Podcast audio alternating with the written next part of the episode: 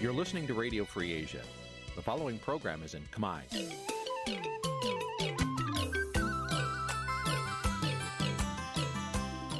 Nǐ chi càm bi tiệp xáy vệt chiu a zì sê ray នេះជាកម្មវិធីផ្សាយរបស់ Vithu Azisaray ជាភាសាខ្មែរ វត្តឈូអាស៊ីសេរីសូមស្វាគមន៍លោកអ្នកនាងទាំងអស់ពីរដ្ឋធានី Washington នៃសហរដ្ឋអាមេរិក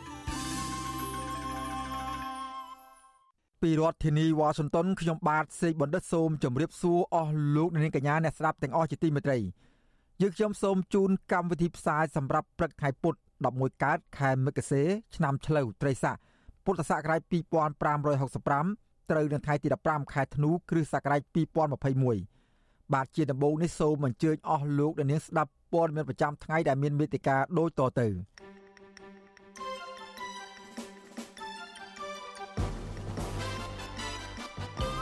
មន្ត្រីសង្គមស៊ីវិលមិនរំពឹងថាសេដ្ឋកិច្ចខ្មែរអាចងើបឡើងវិញឆាប់ៗនេះទេមន្ត្រីសិទ្ធិមនុស្សថាច្បាប់ដាក់គុកព្រះសង្ឃរឿងចូលរួមបាតកម្មអហិង្សា មានចេតនានយោបាយ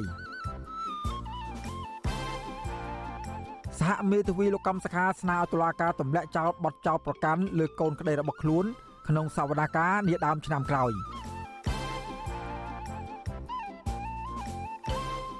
ពលរដ្ឋរងផលប៉ះពាល់ពីទំនប់សេសានក្រោម2បន្តស្នើសុំឲ្យក្រុមហ៊ុនផ្ដល់សំណងរួមនឹងព័ត៌មានផ្សេងផ្សេងមួយចំនួនទៀតជាបន្តទៅទៀតនេះខ្ញុំបាទសេកបណ្ឌិតសូមជូនព័ត៌មានពិស្ដាបាទលោកអ្នកនាងកញ្ញាជាទីមេត្រី មន្ត្រីអង្គការសង្គមស៊ីវិលមិនរំពឹងថាសេដ្ឋកិច្ចជាតិអាចងើបឡើងវិញឆាប់ឆាប់នេះទេ បើទោះបីជារដ្ឋាភិបាលបានបើកប្រទេសនិងវិស័យសំខាន់សំខាន់ភាគច្រើនឡើងវិញហើយក៏ដោយមន្ត្រីរូបនោះចង់ឃើញរដ្ឋាភិបាលបន្តជួយដល់ពលរដ្ឋក្រីក្រ និងពង្រីកវិធានការជួយអន្តរាគមន៍ដល់សហគ្រាសធុនតូច និងមធ្យមដើម្បីជួយជំរុញឲ្យសេដ្ឋកិច្ចជាតិអាចងើបឡើងវិញបានឆាប់រហ័សការលើកឡើងនេះស្របពេលដែលមន្ត្រីជាន់ខ្ពស់នៃក្រសួងសេដ្ឋកិច្ចអះអាងថា សេដ្ឋកិច្ចកម្ពុជាចាប់ផ្ដើមងើបឡើងវិញជាបណ្ដាបណ្ដាហើយដោយសារតែកម្ពុជាគ្រប់គ្រងការរីករាលដាលនៃជំងឺ Covid-19 បានល្អបាទពីរដ្ឋធានី Washington លោកមានរិទ្ធរាយការណ៍ជំវិញព័ត៌មាននេះមន្ត្រីអង្គការសង្គមស៊ីវិលមិនរំពឹងថាសេដ្ឋកិច្ចកម្ពុជាអាចនឹងងើបឡើងវិញបាននៅក្នុងពេលឆាប់ៗខាងមុខនេះទេគឺដោយសារតែភាពមិនប្រកបវិជ្ជានៃការបន្តអូសបន្លាយវិបត្តិជំងឺ Covid-19 ម្យ៉ាងវិញទៀត មូលដ្ឋានសេដ្ឋកិច្ចកម្ពុជាមួយភាគធំពឹងផ្អែកនិងអាស្រ័យទៅលើឥទ្ធិពលរបស់ប្រទេសដទៃនៅក្នុងតំបន់និងពិភពលោកជាពិសេសគឺវិស័យទេសចរនិងវិស័យសេវាកម្មជាដើមនាយកប្រតិបត្តិអង្គការដំឡាភិបកម្ពុជា លោកពេជ្រពិសីមើលឃើញថាកម្ពុជាអាចចំណាយពេលវេលាច្រើនថែមទៀតដើម្បីស្ដារសេដ្ឋកិច្ចជាតិឲ្យត្រឡប់មករកភាពប្រក្រតីដោយនៅមុនពេលមានវិបត្តិជំងឺ Covid-19 បើខ្ញុំបានស្មានប្រហែលជាដល់ដើមឆ្នាំ2023នោះបានជាយើងបានយើងអាចប្រហែលជាអាចមានថេរភាពឡើងវិញក្នុងករណីយើងមិនមានមេរោគថ្មីថ្មីទៀតឬក៏មានបញ្ហាផ្សេងទៀតទៀតបាទបាទប៉ុន្តែបើយើងមើលទៅលើវិស័យវិញ្ញាណភ័ណ្ឌនាំចេញគឺនៅមានសុខភាពគួរសមល្អគួរសមហើយអាច recover លឿន កាលពីពេលថ្មីថ្មីនេះមន្ត្រីជាន់ខ្ពស់នៃក្រសួងសេដ្ឋកិច្ចលោកវង្សសីវិសុទ្ធបានអះអាងថាសេដ្ឋកិច្ចកម្ពុជាចាប់ផ្ដើមងើបឡើងវិញហើយដោយសារតែកម្ពុជាគ្រប់គ្រងជំងឺ Covid-19 បានល្អលើកលែងតែវិស័យទេសចរនិងវិស័យសេវាកម្មប៉ុន្តែបើសកម្មភាពនាំចេញឥឡូវនេះកម្មករធ្វើការទាំងយប់មានយប់ធ្វើការបន្ថែមម៉ោងដេកអត់តាន់កាត់ដេកស្បែកជើងខោអាវដេកអត់តាន់កំងយើងនៅវិស័យទេសចរអន្តរជាតិមួយដែលយើងប៉ះខ្លាំងងើបមិនតាន់រួច SME នេះឯង retail ហ្នឹងវាមិនទាន់ full scale សោះបាទវាមិនដូចដើមទេប៉ុន្តែជាសេដ្ឋកិច្ចវាចាប់ដើមងើបឡើងវិញដោយសារយើងគ្រប់គ្រងបានល្អមន្ត្រីជាន់ខ្ពស់ក្រសួងសេដ្ឋកិច្ចរូបនេះទទួលស្គាល់ថាសេដ្ឋកិច្ចកម្ពុជាពិតជាធ្លាក់ចុះដុនដាបខ្លាំងនៅក្នុងពេលមានវិបត្តិជំងឺ Covid-19 មែនលោកអះអាងថាសេដ្ឋកិច្ចកម្ពុជាអាចធ្លាក់ចុះរហូតដល់ទៅជាងដក6%កាលពីឆ្នាំ2020 ហើយអត្រាភាពក្រីក្រក៏អាចកើនឡើងទ្វេដងប៉ះសិនបើគ្មានអន្តរាគមពីរដ្ឋាភិបាលនោះទេបើយើងមិនអន្តរាគមសេដ្ឋកិច្ចយើងអាចធ្លាក់ខ្លាំងមែនតើណាមិនមែន3.1%ឆ្នាំ2020គេវាយតម្លៃ6.8%ធ្លាក់ប៉ុន្តែអន្តរាគមយើងតន់ពេលទាំងសេដ្ឋកិច្ចទាំងសង្គមទៅទប់បាន ភាពក្រីក្របើយើងអត់ធ្វើអន្តរាគមទេណាថ្ងៃមុនប្រជុំវត្តបានកើន1ជា2បានបើមុន10%ឡើង20%បើមុន2ដល់10ឡើង24%ចឹង ធនាគារពិភពលោក World Bank និងអង្គការមូលនិធិរូបិយវត្ថុអន្តរជាតិ IMF វាតម្លៃថាសេដ្ឋកិច្ចកម្ពុជាបានធ្លាក់រហូតដល់ទៅជាងដក3%កាលពីឆ្នាំ2020នៅពេលដែលកម្ពុជាប្រឈមនឹងវិបត្តិជំងឺ Covid-19 ជាលើកដំបូងស្ថាប័នទាំងពីរនេះព្យាករណ៍ថាសម្រាប់ឆ្នាំ2021នេះសេដ្ឋកិច្ចកម្ពុជាអាចកើនមកវិញបានត្រឹមប្រមាណជាង2%ប៉ុណ្ណោះ យ៉ាងណាក៏ដោយស្ថាប័នជំនាញសេដ្ឋកិច្ចអន្តរជាតិទាំងពីរនេះព្រមានថាកំណើនសេដ្ឋកិច្ចនេះនៅមានភាពយឺតយ៉ាវនៅឡើយទេនិងថាការឆ្លងរាលដាលសារជាថ្មីណាមួយនៃវីរុស COVID-19 អាចនឹងធ្វើឲ្យការងើបឡើងវិញនៃសេដ្ឋកិច្ចកម្ពុជាត្រូវប្រឈមនឹងហានិភ័យលោកពេជ្រពិសីយល់ថាបើទោះបីជាសេដ្ឋកិច្ចកម្ពុជា បានងើបឡើងវិញបន្តិចបន្តួចមែនក៏ដោយក៏ប៉ុន្តែការងើបឡើងវិញនេះ នៅមិនទាន់មានអត្តពលអាចកែលម្អស្ថានភាពរស់នៅរបស់ប្រជាពលរដ្ឋទូទៅនៅឡើយទេលោកចង់ឃើញរដ្ឋាភិបាល បន្តអនុវត្តវិធានការជួយដល់ពលរដ្ឋងាយរងគ្រោះនិងជួយអន្តរាគមន៍ដល់សហគ្រាសខ្នាតតូចនិងមធ្យមជាបន្តទៀតទន្នន័យរដ្ឋាភិបាលក៏បញ្ជាក់ដែរថា កម្រិតនៃភាពក្រីក្រយើងដោយសារកូវីដហ្នឹងយើងមានកម្រិតដល់ទៅ17%អានេះបើតាមការសិក្សារបស់រដ្ឋាភិបាលអញ្ចឹងខ្ញុំគិតថាប៉ះពាល់ប៉ះពាល់ធំហើយបើសិនជាយើងមិនមានយន្តការគាំពៀឬក៏ការជួយអន្តរាគមន៍ពីរដ្ឋាភិបាលទេប្រហែលជាយើងពិបាក recover អញ្ចឹងបានជានៅក្នុងប្រទេសដែលគេមានលុយច្រើនគេ subsidize គេផ្ដល់ការគាំពៀជូនពលរដ្ឋជាពិសេសអ្នករស់ស៊ីតូចតាចហ្នឹងគឺឲ្យ loan ឲ្យគាត់អត់ចូលការប្រាក់តែម្ដងបាទ បើតាមមូលនិធិរូបិយវត្ថុអន្តរជាតិ IMF អនាគតសេដ្ឋកិច្ចរបស់កម្ពុជា នៅតែមិនប្រកបប្រជាខ្លាំងនៅឡើយព្រមទាំងនៅប្រឈមនឹងហានិភ័យជាច្រើនដដែលមូលនិធិរូបិយវត្ថុអន្តរជាតិលើកឡើងថាមានកត្តាជាច្រើនដែលបង្អាក់លទ្ធភាពនៃកំណើនសេដ្ឋកិច្ចកម្ពុជានឹងធ្វើឲ្យសេដ្ឋកិច្ចងាយរងគ្រោះនៅក្នុងនោះរួមមានកត្តាកង្វះការពង្រីកមូលដ្ឋានសេដ្ឋកិច្ចការនាំចេញសម្ភារៈដែលមានតម្លៃទាប កម្លាំងពលកម្មមានតម្លៃខ្ពស់និងការយល់ឃើញពីកំសោយផ្នែកអភិបាលកិច្ចនិងអំពើពុករលួយនៅក្នុងប្រទេសកម្ពុជាជាដើមមូលនិធិរូបិយវត្ថុអន្តរជាតិ IMF ផ្ដល់អនុសាសន៍ថាការដោះស្រាយបញ្ហាប្រឈមជាប្រព័ន្ធនឹងជួយឲ្យមានការស្ដារឡើងវិញនិងកសាងនៅសេដ្ឋកិច្ចដែលមានភាពធន់ស៊ាំកាន់តែប្រសើរជាងមុនខ្ញុំបាទមេរិត Visual Asia ស្រីរាយការណ៍ពីរដ្ឋធានី Washington បាទលោកអ្នកនាងកញ្ញាជាទីមេត្រីមន្ត្រីសិទ្ធិមនុស្សនិងអ្នកបួសយល់សពគ្នាថាខ្លឹមសារនៃសេចក្តីព្រាងច្បាប់ស្តីពីសាសនា ដែលកំណត់ទោសទណ្ឌរហូតដាក់គុកព្រះសង្ឃរឿងចូលរួមធ្វើបាតកម្មអហិង្សានោះគឺមានចរិតនយោបាយនិងមិនបំរើដល់ផលប្រយោជន៍សាសនានិងការលើកស្ទួយសិទ្ធិមនុស្សនោះឡើយបាទសូមលោកនាងរងចាំស្ដាប់បទសម្ភាសន៍ជុំវិញរឿងនេះនាពេលបន្តិចទៀតបាទសូមអរគុណ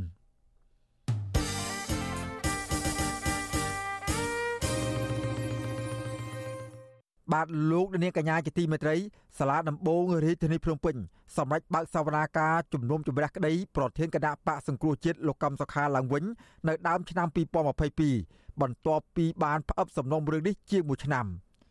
មន្ត្រីសិទ្ធិមនុស្សនិងលោកកំសុខារំពឹងថាតុលាការនឹងផ្ដល់យុត្តិធម៌ដល់លោកកំសុខាក៏ប៉ុន្តែអ្នកវិភាគថា នេះគ្រាន់តែជាឆាកល្ខោននយោបាយថ្មី ដែលលោកហ៊ុនសែនកំពុងរៀបចំឡើង ដើម្បីបំភាន់ភ្នែកមហាជន បាទពីរដ្ឋធានីវ៉ាស៊ីនតោនលោកទីនសាការីយ៉ារាយការណ៍ជុំវិញព័ត៌មាននេះព្រះរាជអាជ្ញារងអមស្រុកដំបងរាជធានីភ្នំពេញលោកប្លង់សុផលបានចេញនៃការកោះហៅលោកកម្មសខាឲ្យចូលរួមសវនាការនៅថ្ងៃទី19ខែមករាឆ្នាំ2022ខាងមុខដើម្បីជំនុំជម្រះក្តីលើសំណុំរឿងក្បត់ជាតិឬសន្តិភាពជាមួយបរទេស ដីកាចុះថ្ងៃទី13ធ្នូឲ្យដឹងទៀតថាសមាជិកក្រុមប្រឹក្សាជំនុំជម្រះរួមមានប្រធានក្រុមប្រឹក្សាជំនុំជម្រះលោកកុយសៅចៅក្រុមប្រឹក្សាលោកសេងលៀងចៅក្រុមប្រឹក្សាមួយទៀតគឺលោកធៀមច័ន្ទពិសិដ្ឋចំណែកឯព្រះរាជអាជ្ញារងគឺលោកប្លង់សុផល និងក្រឡាបញ្ជីលោកជ័យវាសនាវិទ្យុអសិរ័យមិនអាចតតងសហមេធាវីលោកកម្មសខាដើម្បីសួរអំពីបញ្ហានេះបន្ថែមបានទេនៅថ្ងៃទី14ធ្នូនេះទោះជាយ៉ាងណាមេធាវីការពារក្តីលោកកម្មសខាម្នាក់គឺអ្នកស្រីមេងសុភារី ធ្លាប់ឲ្យវិទ្យុអសិរ័យដឹងកាលពីពេលថ្មីថ្មីនេះថាទាំងសហមេធាវីនិងកូនក្តីអ្នកស្រីចង់ឃើញដំណើរការកាត់ក្តីនេះប្រព្រឹត្តទៅដោយយុត្តិធម៌និងទម្លាក់ចោលការចាប់ប្រកាន់លើលោកកម្មសខាមេធាវីការពារក្តីឲ្យមេបកប្រឆាំងរំនេះចង់ឃើញតឡាការជ្រើសរើសបន្ទប់សវនាការធំទូលាយជាងមុនដើម្បីផ្ដល់លទ្ធភាពឲ្យអ្នកខ្លំមើលអង្គទូតនិងអ្នកសារព័ត៌មានជាដើមអាចចូលរួមបានច្រើនជាងមុនដើម្បីឲ្យអ្នកទាំងនោះបានដឹងនិងស្វែងយល់អំពីដំណើរការកាត់ក្តីដោយផ្ទាល់នៅតុលាការ ហើយយើងខ្ញុំជាសហមេធាវីក៏ដូចជាកូនក្តីនៅតែស្នើសុំឲ្យមានការទម្លាក់ចោលនៅរាល់ការចោតប្រកាន់មកលើអាយដាមកុំសុខាហើយសូមឲ្យអាយដាមកុំសុខាមានសេរីភាពឡើងពេញលេញឡើងវិញចា៎អតីតសមាជិកសភាគណៈបកសង្គ្រោះជាតិនិងជាមន្ត្រីស្និទ្ធនឹងលោកកម្មសខាគឺលោកសួនរីដាសរសេរនៅលើ Facebook ថ្ងៃទី14ធ្នូថាលោកកម្មសខាមិនមែនជាជនក្បត់ជាតិទេលោកសង្ឃឹមថាតឡាការនឹងផ្ដល់យុត្តិធម៌ដល់លោកកម្មសខា លោកលើកឡើងទៀតថាមានតែជនដែលចង់ឃើញលោកកម្មសខាបន្តជាប់ឃុំនឹងស្អុយឈ្មោះជាជនក្បត់ជាតិទេដោយមិនចង់ឃើញមានសវនាការចម្រះក្តីនេះពាក់ព័ន្ធនឹងសវនាការរបស់លោកកម្មសខានេះអ្នកនាំពាក្យគណៈបកប្រជាជនកម្ពុជាលោកសុកអេសាននិយាយថាលោកឯកភាពទៅនឹងការចង់បានយុត្តិធម៌របស់មេធាវីប៉ុន្តែការសម្រេចបែបណាគឺជាសិទ្ធិរបស់តុលាការលោកបន្តថាចំពោះការចង់ឃើញតុលាការតម្លាក់ចោលការចាប់ប្រកាន់បទចោទលើលោកកម្មសខា គឺជាការបង្កប់បញ្ជាតុលាការទៅវិញទេយើងបន់ឲ្យតែគាត់បើកសវនាការដើម្បីវិឆាប់បញ្ចប់រឿងកុំឲ្យអូសបន្លាយយូរណានៅទៅអ្នកនេះថាជើងអ្នកនេះថាដបងនេះវាអត់ត្រូវរឿងអញ្ចឹងទេមានតឡាការនេះដែលគាត់ស៊ើបកាត់ហើយមានផោះតាងឬអត់ផោះតាងយ៉ាងម៉េចអានឹងគាត់កាត់ទៅតាមការគាត់ប្រមូលបាននៅឯកសារជាផោះតាងហ្នឹងអានឹងបានវាច្បាស់លាស់ តុលាការក្រុងភ្នំពេញបានផ្អាកសវនាការសំណុំរឿងលោកកម្មសខារយៈពេលជាង1ឆ្នាំមកហើយក្រុមមេធាវីលោកកម្មសខាបានដាក់ពាក្យស្នើសុំទៅសាលាដំបងរាជធានីភ្នំពេញឲ្យបើកសវនាការជំនុំជម្រះលោកកម្មសខាជាបន្តបន្ទាប់ប៉ុន្តែតុលាការតែងតែលើកហេតុផលទប់ស្កាត់ការរីករាលដាលជំងឺ Covid-19 តុលាការមិនបើកសវនាការជំនុំជម្រះតាមសំណើរបស់មេធាវីនោះឡើយតុលាការក៏លើកហេតុផលដែរថាសំណុំរឿងនេះមិនមែនជារឿងក្តីអធិភាព ព្រោះលោកកម្មសខាកំពុងតែស្ថិតនៅក្រៅឃុំការប្រកាសពីដំណើរការសវនាការលោកកម្មសខាឡើងវិញនៅពេលនេះស្របពេលលោកកម្មសខាប្រកាសថាលោកនិងលោកសំរងស៊ីមិនមែនជាមនុស្សតែមួយទៀតទេលោកកម្មសខាហាមមិនអោយលោកសំរងស៊ីយកឈ្មោះនិងរូបថតលោកទៅប្រើប្រាស់ភ្ជាប់ជាមួយនឹងសកម្មភាពនានាដែលពុំមានការអនុញ្ញាតឬគាំទ្រពីលោកទោះជាយ៉ាងណាលោកសំរងស៊ីឆ្លើយតបវិញថាសម្ព័ន្ធភាពរវាងកម្មសខានិងសំរងស៊ីមិនបាច់បាក់ឡើយ ពីព្រោះថាពួកលោកទាំងពីរមានទិសដៅតែមួយដូចគ្នាគឺស្ដារប្រជាធិបតេយ្យនិងសិទ្ធិមនុស្សនៅវិភាគនយោបាយដែលកំពុងតែភៀសខ្លួននៅប្រទេសហ្វាំងឡង់គឺលោកកឹមសុខយល់ថានេះគ្រាន់តែជាលបាយនយោបាយដែលមានលក្ខខណ្ឌនិងមិនអាចឲ្យលោកកម្មសខាមានសិទ្ធិធ្វើនយោបាយបាននោះឡើយលោកបន្តថាបើសិនជាលោកហ៊ុនសែននៅតែមើលឃើញគណៈបកសង្គ្រោះជាតិនិងសម្ព័ន្ធភាពកម្មសខាសមរង្ស៊ី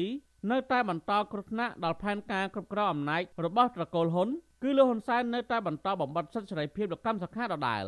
វាគ្រាន់តែជាក្រឡានយោបាយបញ្ឆោតភ្នែកប៉ុណ្ណោះមិនមែនជាសវនកម្មតុលាការយុតិធធទេ ទី1គេអាចលេងលខោនសួរដេញដោល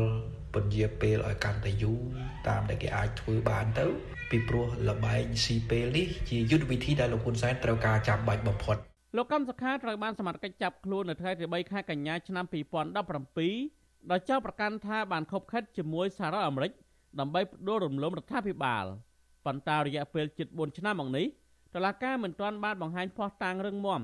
ដែលគាំទ្រដល់ការចាប់ប្រកាន់លោកកម្មសខានោះឡើយអ្នកតាមដានស្ថានភាពនយោបាយនិងសហគមន៍អន្តរជាតិលើកឡើងថាការចាប់ប្រកាន់លោកកម្មសខានេះគឺជារឿងនយោបាយពួកគេទាមទារឲ្យតុលាការឬរដ្ឋាភិបាលលហ៊ុនសែនទម្លាក់ការចោទប្រកាន់លោកកម្មសខាវិញខ្ញុំទីនសាការីយ៉ាអសិសរីប្រធានីវ៉ាស៊ីនតោន បាទលោកដានៀងកញ្ញាជាទីមេត្រីប៉ូលីសថៃកាលពីថ្ងៃទី13ខែធ្នូបានតាមចាប់ខ្លួនពលករខ្មែរជាសកម្មជនគណៈបកសង្គ្រោះជាតិម្នាក់ទៀតទៅដល់ទីកន្លែងដែលលោកស្នាក់នៅក្នុងទីក្រុងបាងកកប្រទេសថៃសកម្មជនគណៈបកសង្គ្រោះជាតិនៅទីក្រុងបាងកកលោកជឹមសុផាតឲ្យវិទ្យុអាស៊ីសេរីដឹងថាប៉ូលីសបានចុះទៅឆែកឆេរដល់បន្ទប់ស្នាក់នៅរបស់ពលករជាសកម្មជនគណៈបកសង្គ្រោះជាតិម្នាក់គឺលោករ៉ារ៉ូកាលពីរសៀលថ្ងៃទី13ខែធ្នូ ហើយប៉ូលីសបានចាប់ខ្លួនលោកដាក់ឡានក៏ប៉ុន្តែលោកបានរត់គេចចេញពីឡានប៉ូលីសនោះវិញប្រពន្ធដដែលឲ្យដឹងថាលោករ៉ារ៉ូកំពុងគេចខ្លួនរកកន្លែងមានសុវត្ថិភាពបើតាមលោកសុផាត ថាលោករ៉ារ៉ូដែលមានអាយុ34ឆ្នាំគឺជាសកម្មជនគណៈបកសង្គ្រោះជាតិនៅក្នុងប្រទេសថៃជាច្រើនឆ្នាំមកហើយលោកជាជនភៀសខ្លួននយោបាយដែលទទួលស្គាល់ដោយការិយាល័យឧត្តមស្នងការអង្គការសហប្រជាជាតិទទួលបន្ទុកជនភៀសខ្លួនហៅកាត់ថា UNHCR ការចាប់បញ្ជូនជនភៀសខ្លួនបានចាប់ផ្ដើមក៏ក្រើកឡើងវិញ កាលពីខែកញ្ញាក្រោយពេលដែលទីប្រឹក្សារបស់លោកនាយករដ្ឋមន្ត្រីហ៊ុនសែនលោកសុកសុក្រិតជាបានទៅជួបមន្ត្រីរដ្ឋាភិបាលថៃ និងមន្ត្រីសភាថៃជាបន្តបន្ទាប់សារព័ត៌មានក្នុងស្រុកឲ្យដឹងថាបច្ចុប្បន្នលោកសុកសុក្រិតជានៅបន្តសកម្មភាពជួបមន្ត្រីរដ្ឋាភិបាលថៃតាមក្រសួងពាក់ព័ន្ធ ដើម្បីបញ្ចុះបញ្ចូលឲ្យអាជ្ញាធរថៃចាប់ខ្លួនជនភៀសខ្លួននិងអ្នកហ៊ានរិះគន់រដ្ឋាភិបាលកម្ពុជាតាម Facebook មកកម្ពុជាវិញប្រពន្ធដដាលបង្ហាញថាក្នុងជំនួបកាលពីថ្ងៃទី4ខែធ្នូឧបនាយករដ្ឋមន្ត្រីទទួលបន្ទុកសន្តិសុខជាតិថៃនិងជាប្រធានគណៈបកដឹកនាំរាជរដ្ឋាភិបាលថៃសប្តាហ៍គឺឧត្តមសេនីយ៍ប្រាវិតវងសវណ្ណបានសន្យាថា អាញាធរថៃនឹងទប់ស្កាត់ឲ្យខាងតែបានចំពោះអ្នកដែលយកទឹកដីថៃធ្វើជាសកម្មភាពល្មើសច្បាប់និងប្រឆាំងរដ្ឋាភិបាលកម្ពុជារយៈពេល2ខែចុងក្រោយនេះអាញាធរថៃបានចាប់ជនភៀសខ្លួននិងជាសកម្មជនគណបកសង្គ្រោះជាតិ4នាក់គឺលោកវឿងសំណាង លោកវឿនវាសនា អ្នកស្រីឡាញ់ថាវរីនិងលោកមិចហៀងបញ្ជូនឲ្យទៅអាជ្ញាធរកម្ពុជាយកទៅឃុំឃាំងក្នុងពន្ធនាគារព្រៃសររាជធានីភ្នំពេញ កាលពីយប់ថ្ងៃទី1ខែធ្នូអាជ្ញាធរថៃបានចាប់ផ្សឹកព្រះសង្ឃបូបេតហើយគ្រងបញ្ជូនព្រះអង្គទៅឲ្យអាជ្ញាធរកម្ពុជាវិញដែរប៉ុន្តែក្រោយពីមានប្រតិកម្មខ្លាំងៗនិងការអន្តរាគមន៍ពីអង្គការអន្តរជាតិឃ្លាំមើលសិទ្ធិជនភៀសខ្លួនអង្គការសហប្រជាជាតិទទួលបន្ទុកជនភៀសខ្លួន UNHCR និងតំណាងរាជប្រទេសថៃផងនោះអាជ្ញាធរថៃបានដោះលែងព្រះអង្គវិញនៅថ្ងៃទី3ខែធ្នូបច្ចុប្បន្នព្រះអង្គបានភៀសព្រះកាយដល់ប្រទេសស្វីសដោយសុវត្ថិភាពហើយ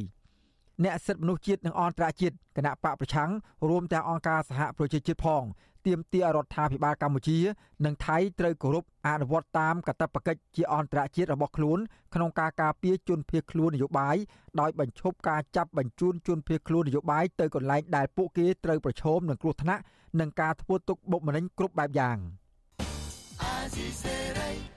សកម្មជនគណៈបកសង្គ្រោះជាតិរិះគន់តុលាការក្រុងភ្នំពេញដែលគ្រោងចុះវាយតម្លៃទីស្នាក់ការគណៈបកថាជាការអនុវត្តច្បាប់បែបឡបឡែនិងធ្វើតាមបញ្ជារបស់លោកហ៊ុនសែនមន្ត្រីសង្គមស៊ីវិលស្នើសុំឲ្យតុលាការពិចារណាលើរឿងនេះឡើងវិញ ដោយគំយករឿងនយោបាយមកលុកឡំជាមួយនឹងការអនុវត្តច្បាប់ សកម្មជនគណបកសង្គ្រោះជាតិនិងមន្ត្រីអង្គការសង្គមស៊ីវិលរិះគន់ចំពោះចំណាត់ការរបស់សាលាដំបងរាជធានីភ្នំពេញដែលគ្រោងចុះវាយតម្លៃទីស្នាក់ការគណបកសង្គ្រោះជាតិដើម្បីលក់ឡៃឡុងថាជាការរួមគំនិតបោសសម្អាតក្រមបកប្រឆាំងសកម្មជនគណបកសង្គ្រោះជាតិដែលកំពុងភៀសខ្លួននៅក្នុងប្រទេសម៉ាឡេស៊ីលោកមនផល្លាប្រាប់វិទ្យុអាស៊ីសេរីនៅថ្ងៃទី14ធ្នូថា គម្រោងចុះវាយតម្លៃទីស្នាក់ការគណៈបកសង្គ្រោះជាតិរបស់តុលាការរាជធានីភ្នំពេញនេះជារឿងមិនត្រឹមត្រូវឡើយលោកបន្តថាសកម្មជនគណៈបកប្រឆាំងមិនពេញចិត្តនឹងវិធានការរបស់តុលាការនោះទេ ហើយពួកគេនឹងនាំគ្នាតវ៉ាទាមទារដើម្បីឲ្យតុលាការបញ្ឈប់សកម្មភាពនេះបន្តទៀតតុលាការធ្វើតាមបញ្ជារបស់អ្នកកណ្ដាលអំណាចបច្ចុប្បន្នដែលមានលោកហ៊ុនសែនជាមេដឹកនាំ ដូច្នេះហើយតុលាការនេះមិនបានធ្វើទៅតាមវិជ្ជាជីវៈរបស់ខ្លួននោះទេការដែលចុះធ្វើការវាយតម្លៃដើម្បីធ្វើការដោះដូរនេះมันសមស្របมันសមហេតុផលតកតងទៅនឹងធ្វើសម្រាប់របស់តុលាការដែលមាននិន្នាការនយោបាយនោះទេបាទប្រតិកម្មនេះធ្វើឡើងបន្ទាប់ពីសាលាដំបងរាជធានីភ្នំពេញបានចេញដីកាបង្គាប់ឲ្យសមត្ថកិច្ចចុះស្រាវជ្រាវពីស្ថានភាពបច្ចុប្បន្ននៃអចលនវត្ថុរបស់លោកសំរងស៊ី ដែលជាអគារស្នាក់ការកណ្ដាលគណៈបកសង្គ្រោះជាតិស្ថិតនៅចាក់អង្រែលើខណ្ឌមានជ័យរាជធានីភ្នំពេញនៅថ្ងៃទី20ខែធ្នូខាងមុខគម្រោងនៃការចុះស្រាវជ្រាវរបស់សាលាដំបងរាជធានីភ្នំពេញគឺដើម្បីប្រមូលទិន្នន័យទីស្នាក់ការកណ្ដាលគណៈបកប្រឆាំងរួមមានអាគារនិងដី ដើម្បីយកទៅវាយតម្លៃថាតើអាចលក់បានតម្លៃប៉ុន្មានមន្ត្រីសាលាដំបងរាជធានីភ្នំពេញ លោកទៀងសុភ័ណ្ឌបានផ្ញើលិខិតជូនដំណឹងចុះថ្ងៃទី13ខែធ្នូអំពីដីកាសម្ដេចនេះជូនដល់លោកសំរងស៊ីប្រធានស្ដីទីគណៈបកសង្គ្រោះជាតិនិងភរិយារបស់លោក គឺអ្នកស្រីជូឡុងស៊ូម៉ារ៉ាដែលជាសហគមន៍បំណុលក្នុងសំណុំរឿងអនុវត្តដោយបង្ខំចុះថ្ងៃទី28ខែតុលាអ្នកនាំពាក្យតុលាការរាជធានីភ្នំពេញលោកអ៊ីរិនប្រាប់សារព័ត៌មានក្នុងស្រុកថាវាជានីតិវិធីរបស់សំណុំរឿងអនុវត្តដោយបង្ខំ ដូច្នេះគេត្រូវទៅស្រាវជ្រាវអំពីទំហំដី និងទំហំអាគារជាដើម បន្ទាប់មកទើបធ្វើការវិតម្លៃជុំវិញបញ្ហានេះប្រធានសមាគមសិទ្ធិមនុស្សអាត់ហុកលោកនីសុខាយល់ថាវិធានការរបស់តុលាការនេះមិនមែនជាការអនុវត្តច្បាប់នោះទេគឺគ្រាន់តែជាវិវាទនយោបាយតែប៉ុណ្ណោះលោកបន្តថាអ្វីដែលអ្នកនយោបាយទាំងអស់ជាពិសេសមេដឹកនាំគណៈបកកណ្ដាលអំណាចត្រូវគិតគូរគឺជាតម្លៃកិត្តិយសក្នុងនាមជាអ្នកនយោបាយ មិនមែនជាតម្លៃនៃទ្រព្យសម្បត្តិប្រើប្រាស់ដែលត្រូវបានតុលាការរឹបអូសនោះទេថារឿងឡាយឡងផ្ទះរឿងអីនេះខ្ញុំគិតថានេះជារឿងកប្លុកកប្លែងហើយយើងមិនគួរណាប្រើប្រាស់ប្រព័ន្ធតុលាការដើម្បីទៅដោះស្រាយបញ្ហាចំពោះនយោបាយបែបនេះទេវាធ្វើឲ្យបញ្ហាប្រព័ន្ធតុលាការនឹងកាន់តែអាប់អោនទៅអាប់អោនទៅណាចៅក្រមសាលាដំបងរាជធានីភ្នំពេញលោកអឹមវណ្ណៈបានចេញដីកាចំនួន4ដាច់ដោយឡែកពីគ្នានឹងត្រូវបានចែករំលែកតាមបណ្ដាញសង្គម Facebook នៅថ្ងៃទី14ខែវិច្ឆិកា បង្ហាញថាមេបកប្រឆាំងលោកសំរងស៊ីត្រូវសងលុយទៅក្រុមមេដឹកនាំរដ្ឋាភិបាលដូចជាលោកហ៊ុនសែនចំនួន1លានដុល្លារលោកហេងសំរិនចំនួន6សែនដុល្លារលោកសខេងចំនួន5សែនដុល្លារនិងត្រូវសងទៅស្ថាប័នរដ្ឋាភិបាលជាង4សែនដុល្លារសំណងទាំងនេះ ដោយសារតែតុលាការបានសម្រេចឲ្យលោកសំរងស៊ីចាញ់ក្តីជាបន្តបន្ទាប់ក្នុងសំណុំរឿងដែលក្រុមមេដឹកនាំរដ្ឋាភិបាលលោកហ៊ុនសែនបានប្តឹងទាមទារសំណងជំងឺចិត្តនាពេលកន្លងមកអង្គការសង្គមស៊ីវិលនិងអ្នកខ្លំមើលស្ថានភាពសង្គមចាត់ទុករឿងនេះថាជាការសងសឹករឿងនយោបាយដោយគណៈបកកណ្ដាលអំណាចចង់កាត់ផ្តាច់ឬគល់គណៈបកសង្គ្រោះជាតិតែម្ដងពួកគេស្នើឲ្យរដ្ឋាភិបាលលោកហ៊ុនសែនស្ដារលទ្ធិប្រជាធិបតេយ្យនិងការគោរពសិទ្ធិមនុស្សឡើងវិញ ហើយកុំយកស្ថាប័នតុលាការធ្វើជាឧបករណ៍ការពារអំណាចរបស់ខ្លួនបាទសាលាដំបងរាជធានីភ្នំពេញនៅថ្ងៃទី14ខែធ្នូបានបន្តសវនាការពីបទញុះញង់និងបទរួមគំនិតក្បត់នៅក្នុងសំណុំរឿងរបស់សកម្មជនគណបកសង្គ្រោះជាតិ42នាក់បន្តទៀតដោយចោទសួរអតីតសង្គមស៊ីវិលម្នាក់ គឺលោកលេងសេងហុងអំពីកិច្ចប្រជុំនៅប្រទេសម៉ាឡេស៊ីនិងនៅប្រទេសថៃកាលពីមុនគម្រោងដំណើរមាតុភូមិនិវត្តឆ្នាំ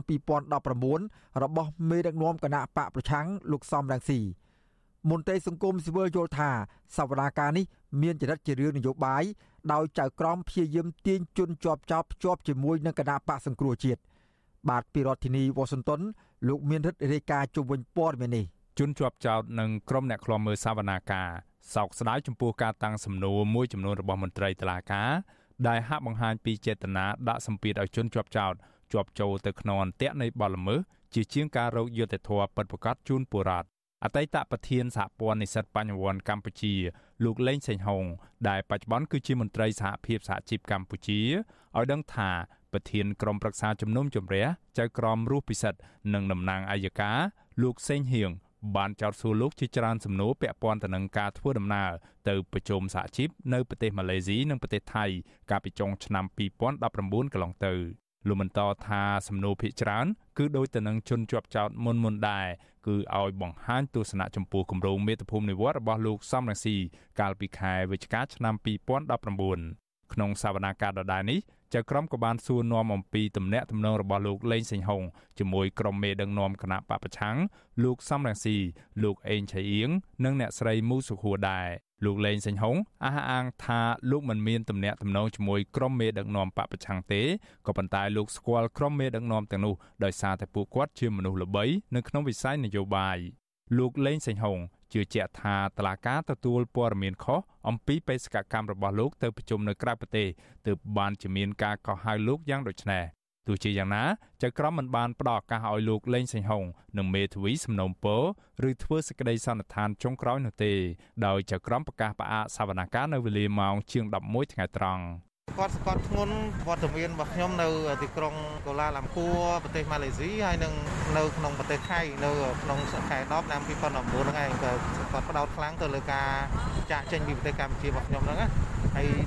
ខ្ញុំចាក់ចេញទៅគឺពាក់ព័ន្ធជាមួយនឹងការងាររបស់ខ្ញុំសិក្សាអត់មានពាក់ព័ន្ធជាមួយនឹងគណៈបក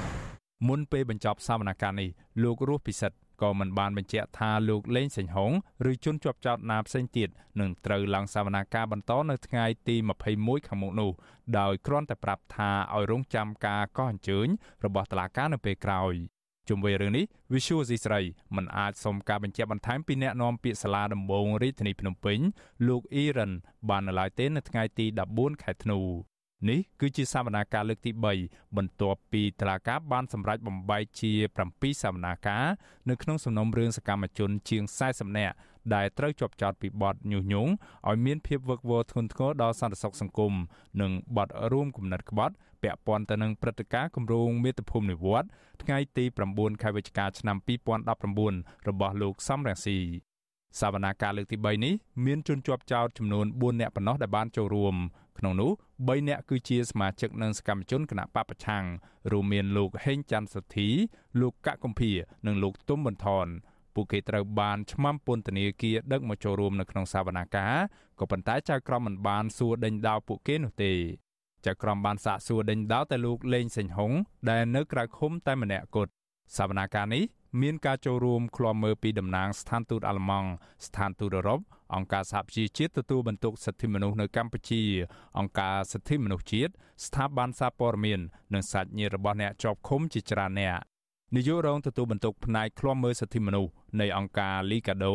លោកអំសមាត សង្កេតឃើញថាសវនាការលើកទី3នេះនៅតែមានចរិតជារឿងនយោបាយដោយលើកមុនមុនដែរហើយលោកថាចក្រមព្យាយាមសួរសំណួរទាញជនជាប់ចោតភ្ជាប់ជាមួយគណៈបកសង្គ្រោះជាតិលោកអំសមាតយល់ថាសំណុំរឿងនេះនឹងមិនអាចបញ្ចប់តាមផ្លូវតុលាការបាននោះទេលុះត្រាណាតែមានការចរចាបិទបញ្ចប់ចំនួននយោបាយ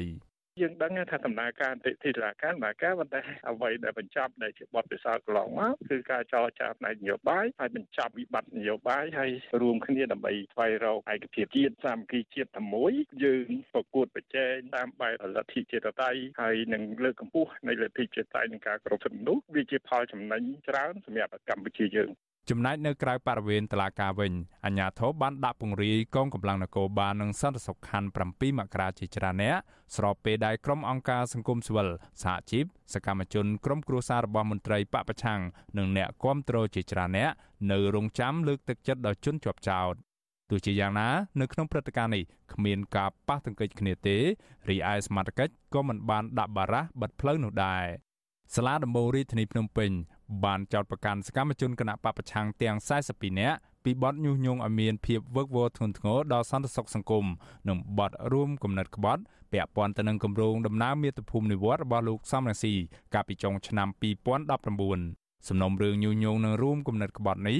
នៅមានសកម្មជនគណបកសង្គ្រោះជាតិរាប់សិបនាក់ទៀតដែលរងការចោទប្រកាន់និងរងចាំសវនាការ ក្រោយពីតុលាការបានផ្អាកសវនាការកាលពីខែកុម្ភៈកន្លងទៅដោយសារការផ្ទុះរាលដាលនៃជំងឺ Covid-19 ក្នុងចំណោមអ្នកដែលត្រូវបានកោះហៅទាំងនោះមានទាំងក្រុមមេដឹកនាំនិងមានទាំងសកម្មជនបពប្រឆាំងនៅក្រៅប្រទេសដែរជាមួយគ្នានេះក្រុមមេដឹកនាំបពប្រឆាំងក៏កំពុងទាមទារតាមរយៈស្ថានទូតខ្មែរនៅសហរដ្ឋអាមេរិកឲ្យរដ្ឋាភិបាលបើកផ្លូវឲ្យពួកគាត់អាចវិលមកតតាំងក្តីនៅក្នុងតុលាការកម្ពុជាវិញ ខ្ញុំបាទមេរិត Visual C ស្រីរាយការណ៍ពីរដ្ឋធានី Washington បាទលោកដានៀងកញ្ញាជាទីមេត្រីពាក់ព័ន្ធនឹងបញ្ហាបរិស្ថាននៅខេត្តរតនគិរីនៅវិញប្រជាពលរដ្ឋយល់ព្រមទទួលយកគោលនយោបាយសំណងពីការសាងសង់ទំនប់វារីអគ្គិសនីសេសានក្រោម2ចំនួន4គ្រួសារទៀតត្អូញត្អែពីភាពយឺតយ៉ាវក្នុងការផ្ដល់សំណងរបស់ក្រុមហ៊ុនទំនប់វារីអគ្គិសនីសេសានក្រោម2និងអាជ្ញាធរខេត្តស្ទឹងត្រែងអ្នកភូមិចាត់ទុកភាពយឺតយ៉ាវនេះ ថាជាការបំពានការសន្យារបស់រដ្ឋាភិបាលដែលបញ្ជាឲ្យអាជ្ញាធរនិងក្រុមហ៊ុន យកចិត្តទុកដាក់ដោះស្រាយជូនពលរដ្ឋរងគ្រោះពីការសាងសង់ទំនប់វារីអគ្គិសនី បាទពីរដ្ឋធានី Washington លោកលេងម៉ាលីរាយការណ៍ជុំវិញព័ត៌មាននេះពលរដ្ឋជាជនជាតិដើមភាគតិចឡាវ4គ្រួសារដែលរងគ្រោះពីការអភិវឌ្ឍទំនប់វារីអគ្គិសនីសេសានក្រោម2រស់នៅភូមិស្រែគោ2ឃុំស្រែគោបន្តអំពាវនាវដល់អាជ្ញាធរឲ្យផ្ដល់កិច្ចអន្តរាគមន៍បន្ទាន់មួយ ដើម្បីសម្រាលទុកលំបាកជាច្រើនក្នុងពេលដែលពួកគាត់បដូរទៅរស់នៅទីតាំងថ្មីអស់រយៈពេលជាង1ឆ្នាំមកហើយពួកគេទទូចដល់អាជ្ញាធរនិងក្រុមហ៊ុនទំនប់វារីអគ្គិសនីសេសានក្រោម2ឲ្យដោះស្រាយសំណងជាថវិកាស្របតាមគោលនយោបាយរបស់រដ្ឋាភិបាលតំណាងពលរដ្ឋលោកវ៉ាន់អូនប្រាប់វិទ្យុអស៊ីសេរីនៅថ្ងៃទី14ធ្នូថាពលរដ្ឋទាំង4គ្រួសារនោះបានបង្ខំចិត្តទទួលយកសំណងពីក្រុមហ៊ុន កាលពីអំឡុងខែកក្កដាឆ្នាំ2020 ព្រោះតែអាញាធររើសអើងនិងចោទពួកគាត់ថាជាក្រុមបកប្រឆាំងលោកបន្តថាពួកលោកបានទទួលសំណងផ្ទះមួយខ្នងនិងដីកសិកម្មរួចហើយប៉ុន្តែនៅមិនទាន់ទទួលបានថវិកាដែលក្រុមហ៊ុននេះផ្ដល់ជូនទៅតាមសមាជិកគ្រួសារនីមួយៗពលគឺមនុស្សម្នាក់នឹងទទួលបានប្រាក់300ដុល្លាររីឯគ្រួសាររបស់លោកនឹងទទួលបានប្រាក់សំណងជិត2000ដុល្លារលោកសោកស្ដាយភូមិកំណើតនិងផ្ទះសម្បែងរបស់លោកនៅភូមិចាស់ ដែលត្រូវក្រុមហ៊ុនបិទទ្វារទឹកពន្លិចជាច្រើនឆ្នាំមកហើយហើយបច្ចុប្បន្នពួកលោកបានផ្ទេរមករស់នៅភូមិស្រែគោថ្មី កំពុងប្រឈមការខ្វះខាតច្រើនផ្នែកជីវភាពលោកបញ្ជាក់ថាអ្នកភូមិ4គ្រួសារបានទៅពឹងអាជ្ញាធរមូលដ្ឋានឲ្យជួយដោះស្រាយរឿងនេះជាច្រើនដងមកហើយប៉ុន្តែមិនបានផលទេ ការសម្រាប់ចិត្តរបស់ប្រជាជនដែលសម្រាប់ទៅយកសំណងហ្នឹងគឺដោយសារគាត់អត់ជំរឿអត់មានជំរឿទេអត់មានផ្លូវជ្រើសរើសទេគាត់ត្រូវបង្ខំចិត្តទៅបានហើយដូចជាពិបាកក្រុមហ៊ុនហើយអាជ្ញាធរនោះក៏ពិបាកដែរដូចវាដូចអត់គិតគូរឲ្យប្រជាជនបុរសដដាលបន្ថែមថា ក្នុងពេលដែលក្រុមហ៊ុនបិទទ្វារទឹកកាលពីចុងឆ្នាំ2017ពួកលោកបានរំកិលមករស់នៅលើទីទួលសុវត្ថិភាពជាង3ឆ្នាំមកហើយ ហើយបានបង្ខំចិត្តទទួលយកសំណងពីក្រុមហ៊ុនដោយសាររងសម្ពាធពីអាជ្ញាធរដែលរើសអើងពួកគាត់ថាជាក្រុមបកប្រឆាំងលោកត្អូញត្អែថាទីតាំងថ្មីដែលលោកកំពុងរស់នៅត្រូវចំណាយសពបែបយ៉ាងសម្រាប់ជីវភាពប្រចាំថ្ងៃមិនដូចភូមិចាស់នោះឡើយវិទ្យុអស៊ីសេរីមិនទាន់អាចសុំការបំភ្លឺរឿងនេះពីតំណាងក្រុមហ៊ុនទំនប់វារីអគ្គិសនីសេសានក្រំ2លោកឆៃមេងបាននៅឡើយទេដោយសារអ្នកលើកទូរស័ព្ទប្រាប់ថាស្ដាប់មិនឮ ប៉ុន្តែអ្នកនាំពាក្យសាលាខេត្តស្ទឹងត្រែងលោកម៉ែនគង់មានប្រសាសន៍ថាក្រុមហ៊ុនបានទទួលសំណើរបស់អាជ្ញាធរខេត្តរួចហើយឲ្យពិនិត្យបញ្ជីនិងទិន្នន័យព័ត៌មានពលរដ្ឋដែលរងផលប៉ះពាល់ដើម្បីឈានទៅរកការដោះស្រាយលោកសំណុំពរឲ្យពលរដ្ឋត្រូវរងចាំបន្តិចព្រោះគណៈកម្មការដោះស្រាយផលប៉ះពាល់ខេត្តបានជំរុញក្រុមហ៊ុនឲ្យដោះស្រាយបញ្ហានេះរួចហើយ លោកបញ្ជាក់ថាពលរដ្ឋមានឈ្មោះក្នុងបញ្ជីដែលអាជ្ញាធរស្នើឲ្យក្រុមហ៊ុនដោះស្រាយរឿងនេះមានតែ3គ្រួសារទេគណៈកម្មការដោះស្រាយផលខេត្តជំរុញទៅដល់ក្រុមហ៊ុនធ្វើការដោះស្រាយតាមនីតិវិធីហើយយ៉ាងណាក្រុមហ៊ុននឹងឆ្លើយតបខេត្តវិញនៅពេលដែលបានសម្រេចហើយខេត្តនឹងចុះទៅនឹងស្រុកនឹងឃុំដើម្បីបកគលសំណងបើសិនជាគាត់ពិតជាអ្នកដែលត្រូវទទួលបានសំណងពេញលេញតាមគោលនយោបាយណែនាំនឹងការណែនាំរបស់ថ្នាក់ដឹកនាំគណៈកម្មការដោះស្រាយផលប៉ះពាល់ជុំវិញរឿងនេះ មេឃុំស្រែគោដែលអាជ្ញាធរក្រុងភ្នំពេញដកចេញពីតំណែងគឺលោកសៀកមេគង្គលោកចាត់ទុកបញ្ហានេះថាជាកំហុសរបស់អាជ្ញាធរខេត្តស្ទឹងត្រែងមិនយកចិត្តទុកដាក់ដោះស្រាយបញ្ហាដែលនៅសេសសល់ចុងក្រោយជូនពលរដ្ឋរងគ្រោះឲ្យជ្រះស្រឡះក្រុមហ៊ុនគេដោត CIP ឃុំនឹងអស់រាប់លានដុល្លារហើយហេតុអីហេតុអីអាជ្ញាធរមិនយកត្រង់ទិន្នន័យគាត់ធ្វើរបាយការណ៍ជូនក្រុមហ៊ុនបញ្ជាក់ថានេះអ្នកដែលនៅសុភូមិចាស់ដែលគាត់មានបំណងចង់មក រស់នៅភូមិតែពោថ្មីក្រុមហ៊ុនគេបោកលុយហើយគេគេចុះមកខ្លួនយើងថាការមួយយើងហើយធ្វើបោកហ្នឹងយើងជំរុញទៅអាហ្នឹងអាជ្ញាធរពេលនេះសំខាន់អាជ្ញាធរទេអាហ្នឹងខ្ញុំគិតថាពីព្រោះអាជ្ញាធរមិនទទួលខុសត្រូវបាទខ្ញុំនិយាយចឹងរីឯមន្ត្រីសម្របសម្រួលសមាគម Ad hoc ខេត្តស្ទឹងត្រែងលោកប៊ីវ៉ានីមើលឃើញថាភាពយឺតយ៉ាវនៃការដោះស្រាយបញ្ហានេះរបស់អាជ្ញាធរនឹងបង្កើតឲ្យពលរដ្ឋរងគ្រោះឈឺចាប់ម្ដងហើយម្ដងទៀតពីគម្រោងអភិវឌ្ឍទំនប់វារីអគ្គិសនីនេះ លោកថាក្រុមហ៊ុននិងរដ្ឋាភិបាល តែងតែសន្យាថានឹងដោះស្រាយផលប៉ះពាល់ជូនពលរដ្ឋឲ្យមានប្រសិទ្ធភាពប៉ុន្តែមកទល់ពេលនេះពលរដ្ឋរងគ្រោះនៅតែរងចាំដំណោះស្រាយពីអាជ្ញាធរ យើងឃើញថាក្រុមហ៊ុនធ្វើសកម្មភាពវិនិយោគនឹងក៏មិនដាញបានលក់មិនដាញ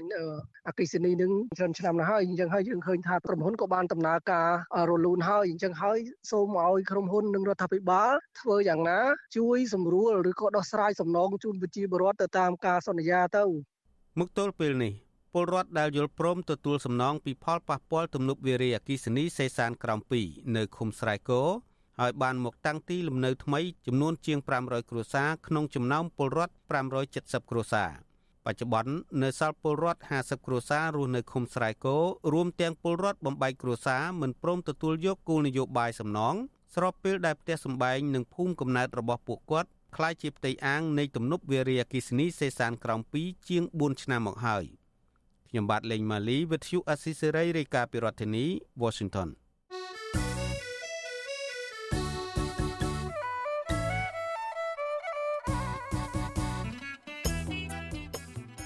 បាទលោកនាងកញ្ញាជាទីមេត្រី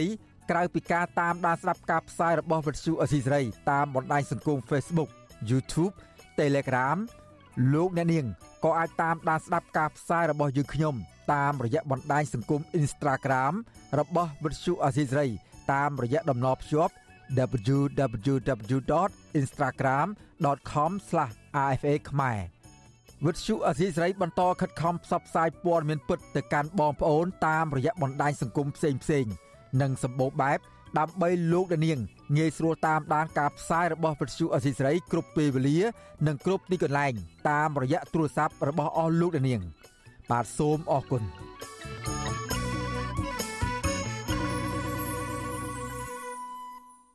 បាទលោកនាងកញ្ញាជាទីមេត្រីពាក់ព័ន្ធនឹងបទល្មើសគ្រឿងញៀនវិញ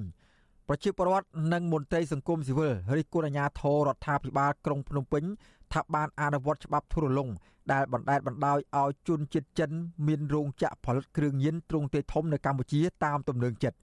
ប្រជាពលរដ្ឋនិងសង្គមស៊ីវិលយល់ថាការផលិតគ្រឿងញៀនយ៉ាងច្រើនសន្ធឹកសន្ធាប់កន្លងមកនេះទំនងជាមានជាប់ពាក់ព័ន្ធជាមួយនឹងមន្ត្រីក្រាក់ក្រាក់ក្នុងជួររដ្ឋាភិបាលខុបខិតជាមួយនឹងជនជាតិចិនទើបអាចដំណើរការទៅបាន បាទពីរដ្ឋធានី Washington អ្នកស្រីសុជីវីរាយការណ៍ជុំវិញព័ត៌មាននេះ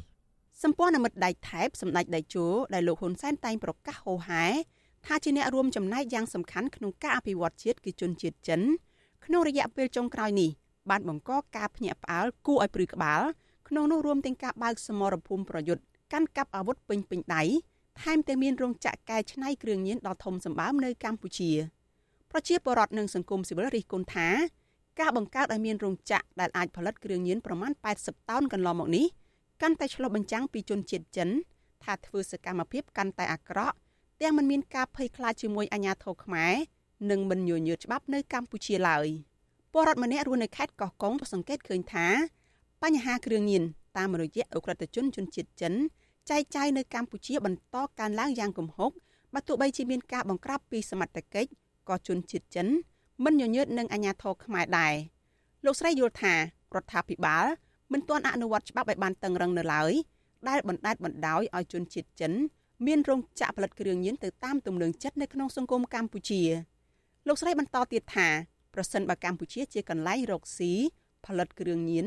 ដោយក្រុមអក្រិតជនចិននោះនឹងធ្វើឲ្យកម្ពុជាមានឈ្មោះកាន់តែអាក្រក់និងធ្វើឲ្យប៉ះពាល់ទៅដល់សន្តិសុខសង្គមជាតិជាមិនខាន។ ចាមួយទៀតនៅពេលដែលពួកគាត់មករស់នៅយ៉ាងណាថាបតែគាត់ហ៊ានផលិតដល់គ្រឿងញៀនគ្រឿងអីចេះខ្ញុំយល់ឃើញថារដ្ឋាភិបាលគួរតែបង្ក្រាបហើយដេញគាត់ត្រឡប់ទៅវិញតែម្ដងមិនគួរឲ្យគាត់នៅជាសមាជិកប្រជាជនកម្ពុជាទៀតទេពីព្រោះអ្វីដែលជាកង្វល់របស់ប្រជាជនយើងគឺអាគ្រឿងញៀនហ្នឹងកាលណាមានចំនួនមានមុខងារជួញគ្រឿងញៀនអីអញ្ចឹងទៅវាធ្វើឲ្យខូចប្រជាពលរដ្ឋខ្មែរយុវជនកម្ពុជាឥឡូវជួបប្រទះរងគ្រោះដោយសារអាថ្នាំញៀនដោយសារតែជនជាតិចិនគាត់មករស់នៅនឹងឯងហើយបើយើងនៅតែទទួលសាទរពួកគាត់ទៀតវានៅតែរងគ្រោះដដែលហើយដដែលទៀតហ្នឹងហើយស្ត្រីដដែលបន្ថែមថានេះជាប្រវត្តិសាស្ត្រហើយដែលសង្គមខ្មែរបច្ចុប្បន្នមានជនជាតិចិនប្រមូលផ្ដុំមានកន្លែងរោងចក្រផលិតគ្រឿងញៀនដ៏ច្រើនសន្ធឹកសន្ធាប់បែបនេះហើយលោកស្រីយល់ថាក្នុងដំណើរការដែលអាចផលិតបានគ្រឿងញៀនដ៏ច្រើនសម្បើមបែបនេះអាចនឹងមានជាប់ពាក់ព័ន្ធជាមួយនឹងមន្ត្រីខុបខិតជាមួយជនជាតិចិនដើម្បីឈរជើងកាងការពារពីក្រោយលើសពីនេះ លោកស្រីទៀមទីឲ្យក្រសួងជំនាញបើកការស៊ើបអង្កេតរោគមីខ្លោងពាក់ព័ន្ធទាំងអស់មកផ្ដន់ទាទោសឲ្យបានធ្ងន់ធ្ងរទៅតាមច្បាប់ វាការពិតមិនជាការភ្ញាក់ផ្អើលទេប៉ុន្តែវាចម្លែកចិត្តបន្តិចចង់ត្រង់ថាបើអ្នកប្រើប្រាស់គ្រឿងញៀនឬអ្នកសេពគ្រឿងញៀនខ្ញុំឃើញចាប់បន្តបន្តរងហើយចាតែដល់ពេលអ្នកផលិតគ្រឿងញៀនហ្នឹងយើងចាំមើលមើលថាតើរដ្ឋាភិបាលចាត់វិធានការបែបណាដែរកាលណាមានអ្នកផលិតហើយវាមានអ្នកជួញដូរតែកាលណាមានអ្នកជួញដូរវាមានអ្នកគ្រឿងញៀនហើយអញ្ចឹងអ្នករងគ្រោះរងគ្រោះអ្នកដែលទទួលការគេលក់គេដូរគេយកទៅឲ្យគ្នាជក់អាហ្នឹងគ្នារងគ្រោះហើយជាប់គុកជាប់គុកតែពួកហ្នឹងឯងខ្ញុំមើលទៅណាជុំវិញរឿងនេះប្រធានមជ្ឈមណ្ឌលដើម្បីប្រជាពលរដ្ឋនិងការអភិវឌ្ឍលោកយងកំឯងថ្លែងថាការបង្ក្រាបអក្រិតកម្មគ្រឿងញៀនយ៉ាងច្រើនបែបនេះកាន់តែឆ្លុះបញ្ចាំងឲ្យឃើញថាជនជាតិចិនទាំងនោះបានយកកម្ពុជាធ្វើជាឧបករណ៍ជាកន្លែងបង្កើតគ្រឿងញៀនសម្រាប់ការបង្កើតចំនួនថ្មីរបស់ពួកគេមួយទៀតនៅក្នុងស្រុកលោកសង្កត់ធ្ងន់ថាអាញាធរត្រូវតែមានការប្រុងប្រយ័ត្នខ្ពស់នៅក្នុងការគ្រប់គ្រងជនជាតិចិននិងត្រូវតែមានការលុបបំបាត់អក្រិតកម្មគ្រឿងញៀននេះដោយអនុវត្តច្បាប់ឲ្យបានម៉ឺងម៉ាត់ និងធានាថាគ្មានការខុបខិតប្រព្រឹត្តអំពើពុករលួយ អ្នកវិនិយោគទុនជនជាតិណាជាតិសាសន៍ណាក៏យើងស្វាគមន៍ប៉ុន្តែសំខាន់បំផុតគឺពួកគេត្រូវតែគោរពច្បាប់កម្ពុជាហើយម្យ៉ាងវិញទៀតគឺមិនមែនជាអ្នកវិនិយោគដែលបង្កអសន្តិសុខដល់កម្ពុជាអញ្ចឹងខ្ញុំថាអភិបាលគួរតែកំណត់មុខសញ្ញាពួកជនជាតិចិនណាដែលបង្កអសន្តិសុខត្រូវតែមានវិធានការតាមផ្លូវច្បាប់អញ្ចឹងទេគឺកម្ពុជានឹងនឹងមានឈ្មោះអសោចដែលធ្វើឲ្យប៉ះពាល់ដល់កិត្តិយសដល់មុខមាត់របស់កម្ពុជាយើងបាទប្រតិកម្មនេះកើតឡើងក្រោយពីសមត្ថកិច្ចជំនាញបានចុះបង្ក្រាបរោងចក្រផលិតគ្រឿងញៀនមួយកន្លែងឈ្មោះថា Farm Asia ស្ថិតនៅភូមិដំបងវិញឃុំសង្កែសតបស្រុកអូរ៉ាល់ខេត្តកំពង់ស្ពឺកាលពីយប់ថ្ងៃទី12ខែធ្នូជនជាតិចិនម្នាក់បានស្លាប់នៅក្នុងការបង្ក្រាបនោះដោយសារតែមានការផ្ទុះអាវុធបាញ់តទល់គ្នាជាមួយសមត្ថកិច្ចចម្រុះគ្រឿងញៀនដែលសមត្ថកិច្ចរឹបអូសបានជាប្រភេទកេកាមីនចំនួន75ការុងឬជិត1តោនកន្លះ ក្រោយមកសមត្ថកិច្ចបានបន្តចុះឆាយឆេរនិងបានរកឃើញសារធាតុគីមីផ្សំកែច្នៃទៅជាគ្រឿងញៀនប្រមាណ80តោនកំភ្លើងខ្លីម៉ាក K54 មួយដើមរថយន្ត4គ្រឿងនិងឧបករណ៍កែច្នៃគ្រឿងញៀនមួយចំនួនធំអគ្គស្នងការរងនគរបាលជាតិទទួលបន្ទុកបង្ក្រាបគ្រឿងញៀនលោកម៉ាក់ជីតូថ្លែងក្នុងសន្និសីទសារព័ត៌មានកាលពីថ្ងៃទី14ខែធ្នូថានេះជាការបង្ក្រាបលើកដំបូងទៅលើទីតាំងលបលួចផលិតសារធាតុញៀននៅកម្ពុជា លោកបញ្ជាក់ថាមានមូលហេតុមួយចំនួន ដែលធ្វើឲ្យការបង្ក្រាបបទល្មើសគ្រឿងញៀនមិនបានថយចុះក្នុងនោះរួមមាន ការកើនឡើងតម្រូវការគ្រឿងញៀនកម្ពុជានៅតែរងផលប៉ះពាល់ពីការជួញដូរគ្រឿងញៀនមកពីតំបន់ត្រីកោណមាសនិងការលួចលាក់ផលិតសារធាតុញៀននៅក្នុងស្រុកកម្ពុជាយើងវានៅក្បែរតំបន់ត្រីកោណមាសអញ្ចឹងអាត្រីកោណមាសនៅពេលដែលយើងបិទទប់កន្លងមកពាក់ព័ន្ធបញ្ហាកូវីដត្បាតនេះអានោះវាអត់ឈប់ទេវាកាន់តែផលិតច្រើនឡើងច្រើនឡើង អញ្ចឹងបានតម្លៃនៅតម្លៃគ្រឿងញៀននៅត្រីកោណមាសលើធ្លាក់ចុះហើយកំណើនបរិមាណកាន់តែច្រើនអញ្ចឹងឲ្យតែមានច្រកណាមកមករាប់រយគីឡូតែម្ដងពីឆ្នាំ2020 21នេះមានសញ្ញានិងមានការកត់សម្គាល់គឺក្រមអក្រិតជនវាលួចលាក់បង្កើតទីតាំងកែច្នៃសារធាតុញៀន ចំណែកនាយកមន្ត្រីប្រឆាំងបទល្មើសគ្រឿងញៀនលោកលឹកបណ្ណៈប្រាប់កាសែតក្នុងស្រុកកាលពីថ្ងៃទី13ខែធ្នូថាក្រោយពីមានការផ្ទុះអាវុធជាមួយអក្រិតជនជនជាតិចិនក្នុងការបង្ក្រាបសមត្ថកិច្ចរកឃើញសារធាតុគីមីផ្សំកែច្នៃទៅជាគ្រឿងញៀនប្រមាណ80តោននិងបានឃាត់ខ្លួនមនុស្សជាង10នាក់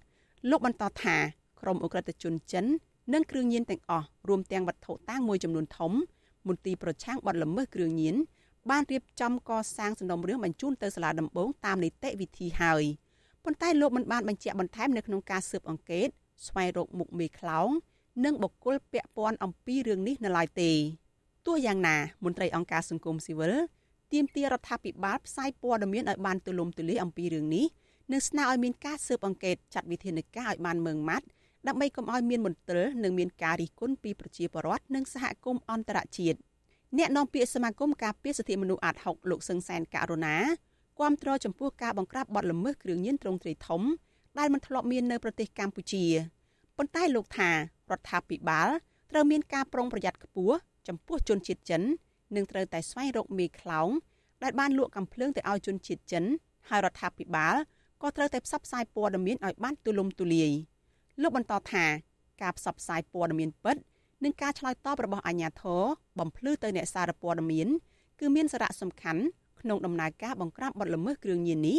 និងការវេកមុខរកមេខ្លោងប្រកបដោយតម្លាភាព ព្រមទាំងបញ្ជាបានការរិះគន់ពីសំណាក់ប្រជាពលរដ្ឋក្នុងតំបន់អាស៊ីដូចជាខ្ញុំមិនទាន់ប្រទះឃើញព័ត៌មានណាដែលបង្ក្រាបបានគ្រឿងញៀនដល់80តោនបែបនេះទេខ្ញុំយល់ថាការដែលអាចមានឱកាសក្នុងការផលិតឬក៏នាំចូលនៅវត្ថុធាតុដើមឬក៏ផលិតនៅក្នុងប្រទេសកម្ពុជាបាន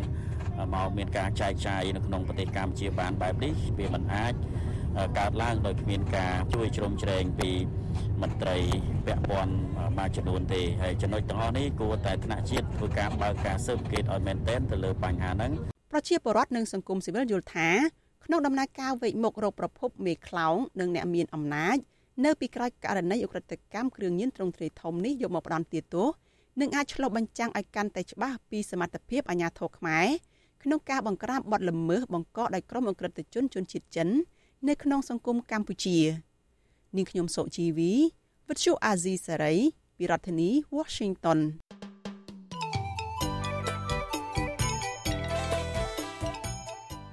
បាទលោកអ្នកនាងកំពុងតាមដានស្ដាប់ការផ្សាយរបស់វិទ្យុអាស៊ីសេរីពីរដ្ឋធានីវ៉ាស៊ីនតោនសហរដ្ឋអាមេរិក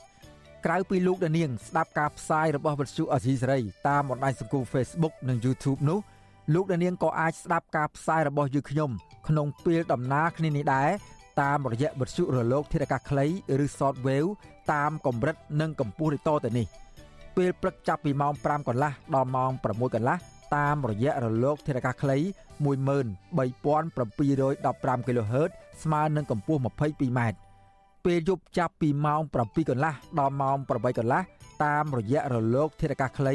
9960 kHz ស្មើនឹងកម្ពស់ 30m និង11240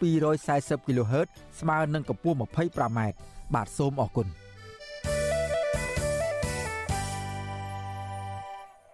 បាទលោកអ្នកនាងកញ្ញាជាទីមេត្រី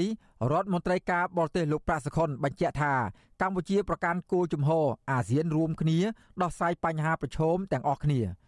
ហើយក្នុងនាមកម្ពុជាជាប្រធានបដូវវេនអាស៊ាន នឹងខិតខំដោះស្រាយវិបត្តិនៅប្រទេសមីយ៉ាន់ម៉ាឬភូមាដោយសន្តិវិធីការប្រកាសរបស់រដ្ឋមន្ត្រីការបរទេសកម្ពុជារូបនេះធ្វើឡើងក្នុងកិច្ចប្រជុំរដ្ឋមន្ត្រីការបរទេសអាស៊ាន និងក្រុមប្រទេស G7 នៅទីក្រុង Liverpool ដែលដឹកនាំដោយចក្រភពអង់គ្លេសកាលពីថ្ងៃទី12ខែធ្នូតាមប្រព័ន្ធវីដេអូសេចក្តីប្រកាសព័ត៌មានកាលពីថ្ងៃទី14ខែធ្នូលោកប្រាសខុនក៏បានបញ្ជាក់ប្រាប់អង្គប្រជុំដែរថាលោកនាយករដ្ឋមន្ត្រីហ៊ុនសែន នឹងធ្វើទស្សនកិច្ចនៅភូមានៅដើមខែមករាឆ្នាំ2022ខាងមុខដើម្បីត្រួសត្រាយផ្លូវឆ្ពោះទៅរកវឌ្ឍនភាពនៃកិច្ចព្រមព្រៀង5ចំណុចរបស់អាស៊ាន ដោយបង្កើតបរិយាកាសអំណោយផលសម្រាប់ភាគីពាក់ព័ន្ធទាំងអស់ដើម្បីឈានទៅរកការបញ្ចប់អំពើហិង្សាការឯកភាពជាតិកិច្ចសម្រុះសម្រួលនិងដំណើរការទស្សនកិច្ចរបស់ប្រេសិតពិសេសនៃប្រធានអាស៊ាន ដើម្បីជួបពិភាក្សាជាមួយនឹងគ្រប់ភាគីពាក់ព័ន្ធនិងការផ្ដល់ជំនួយមនុស្សធម៌ ក្នុងនាមជាប្រធានអាស៊ានលោកនាយករដ្ឋមន្ត្រីហ៊ុនសែនប្រកាសការពីពេលថ្មីថ្មីនេះដែរថាកម្ពុជាគួរតែអញ្ជើញថ្នាក់ដឹកនាំនៃរបបយោធាមីយ៉ាន់ម៉ាចូលមកកិច្ចប្រជុំកំពូលអាស៊ាននៅឆ្នាំ2022ខាងមុខបន្ទាប់ពីបានបដិសេធមិនឲ្យចូលរួមក្នុងកិច្ចប្រជុំកំពូលកាលពីខែតុលាឆ្នាំ2021កន្លងទៅប្រទេសព្រុយណេដែលជាប្រធានបដូវវេនអាស៊ាននៅដើមឆ្នាំ2021នេះ លើកហេតុផលថារបបដឹកនាំយោធាភូមិមិនបានអនុវត្តតាមកិច្ចព្រមព្រៀងសន្តិភាពនិងសហប្រតិបត្តិការជាមួយអាស៊ានហើយមិនអនុញ្ញាតឲ្យបេសកជនពិសេសអាស៊ាន បានជួបពិភាក្សាជាមួយអ្នកស្រីអងសានស៊ូជីដែលត្រូវបានកាត់ទោសឲ្យជាប់ពន្ធនាគាររយៈពេល2ឆ្នាំកាលពីថ្ងៃទី6ខែធ្នូរដ្ឋមន្ត្រីការបរទេសនិងអភិវឌ្ឍនៃចក្រភពអង់គ្លេសអ្នកស្រី Liz Truss ដែលជាប្រធានអង្គប្រជុំបានថ្លែងអំពីសារៈសំខាន់នៃការរក្សា Indo-Pacific ដែលមានលក្ខណៈសេរីបើកចំហបរិយាបន្ននិងផ្អែកលើនីតិរដ្ឋអ្នកស្រីក៏ព្រួយបារម្ភអំពីវិបត្តិនៅប្រទេសមីយ៉ាន់ម៉ាឬភូមានិងការកាត់ទោសអ្នកស្រីអងសានស៊ូជីឲ្យជាប់ពន្ធនាគាររយៈពេល2ឆ្នាំកាលពីថ្ងៃទី6ខែធ្នូនោះអ្នកស្រីក៏បានគាំទ្រកុងសង្ស៊ីស5ចំណុចរបស់អាស៊ាននិងអំពាវនាវឲ្យមានការដោះលែងអ្នកជាប់ទោសទាំងអស់ជាបន្ទាន់ដោយគ្មានលក្ខខណ្ឌ កិច្ចប្រជុំក៏បានគូសបញ្ជាក់ពីតម្រូវការនិងការពង្រឹងកិច្ចសហប្រតិបត្តិការបន្ថែមទៀតរវាងអាស៊ាន និងក្រុមប្រទេស G7 សម្រាប់ផលប្រយោជន៍គ្នាទៅវិញទៅមករបស់ប្រជាជន សន្តិភាព និងវិបុលភាពរួមបន្ថែមពីលើនេះរដ្ឋមន្ត្រីការបរទេសនៃសមាគមអាស៊ាន និងរដ្ឋមន្ត្រីការបរទេសនិងអភិវឌ្ឍនៃក្រមប្រទេស G7 បានឯកភាពជំរុញការអភិវឌ្ឍហេដ្ឋារចនាសម្ព័ន្ធ បច្ចេកវិទ្យានិងសន្តិសុខរួមក្នុងតំបន់ Indo-Pacific និងពិភពលោកព្រមទាំងបន្តបដិញ្ញាពង្រឹងកិច្ចសហប្រតិបត្តិការលើរឿងចាក់វ៉ាក់សាំងបង្ការជំងឺ Covid-19 ក្រុមប្រទេស G7 រួមមានកាណាដា បារាំងអាល្លឺម៉ង់អ៊ីតាលីជប៉ុនចក្រភពអង់គ្លេសសហរដ្ឋអាមេរិកនិងតំណាងជាន់ខ្ពស់ពីសហភាពអឺរ៉ុប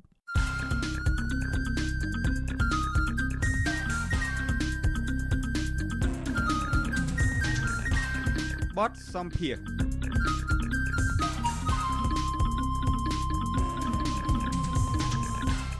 បាទលោកអ្នកនាងកញ្ញាជាទីមេត្រីលោកអ្នកនាងកំពុងតាមដានស្ដាប់ការផ្សាយរបស់វិទ្យុអសីសេរីពីរដ្ឋធានីវ៉ាស៊ីនតោនសហរដ្ឋអាមេរិក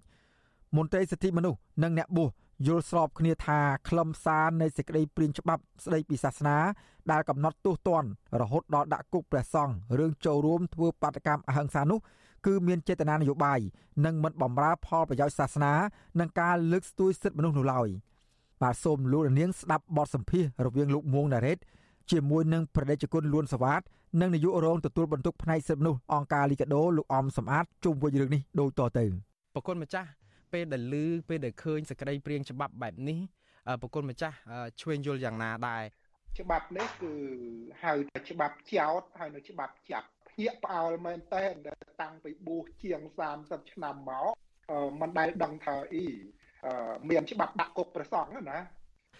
ផ្នែកពុទ្ធចក្រហ្នឹងមានវិន័យមានក្បួនអ្វីដើម្បីជាការដាក់ទោសទណ្ឌដល់ប្រសង់ដែលប្រព្រឹត្តនាំឲ្យប៉ះពាល់ដល់អាបត្តិអីដែរទេប្រគុណម្ចាស់តើមានគ្រប់គ្រាន់ដែរទេទើបអាចនឹងត្រូវការធ្វើច្បាប់បន្ថែមទៀតនោះពោច្បាប់នៅក្នុងព្រះពុទ្ធសាសនា មានគ្រប់គ្រាន់ពេញលេញបរិបូរណ៍ហើយជាច្បាប់មួយដែលมันអាចបុគ្គលណា ប្រសងអង្គណា ទៅកែពុទ្ធវចនៈកម្ពីដីការបស់ព្រះសម្មាសម្ពុទ្ធបានទេឥ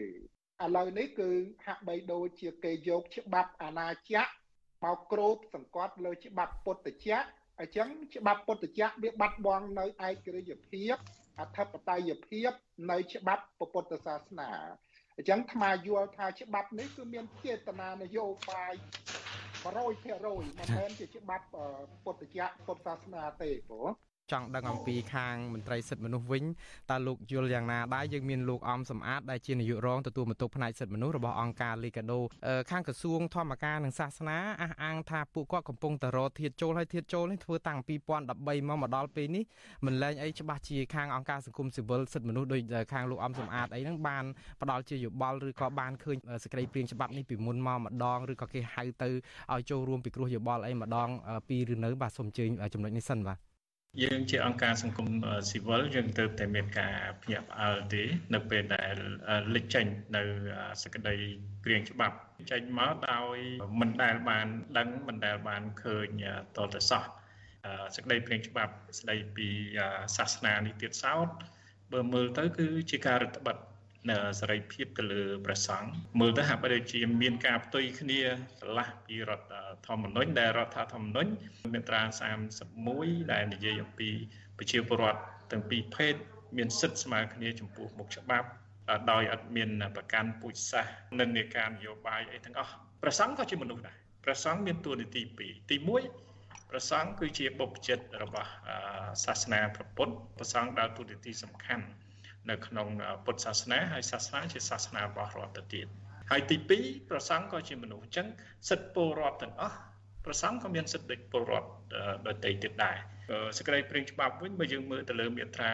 35នេះហាក់ដូចជាសម្ដៅចំដែលគេអាចរិះគន់ថា